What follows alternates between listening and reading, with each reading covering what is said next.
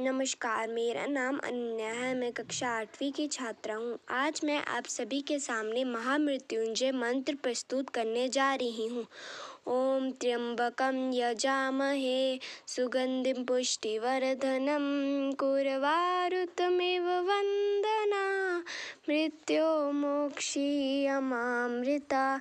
इसका अर्थ है तीन नेत्र वाले जिनका हम हृदय से सम्मान करते हैं और पूजते हैं, जो एक मीठी सुगंध के समान है, फलने फूलने वाली स्थिति जो पोषण करते हैं, बढ़ने की शक्ति देते हैं, कंकड़ी जैसे इस तरह बंधनों से मुक्त करने वाले।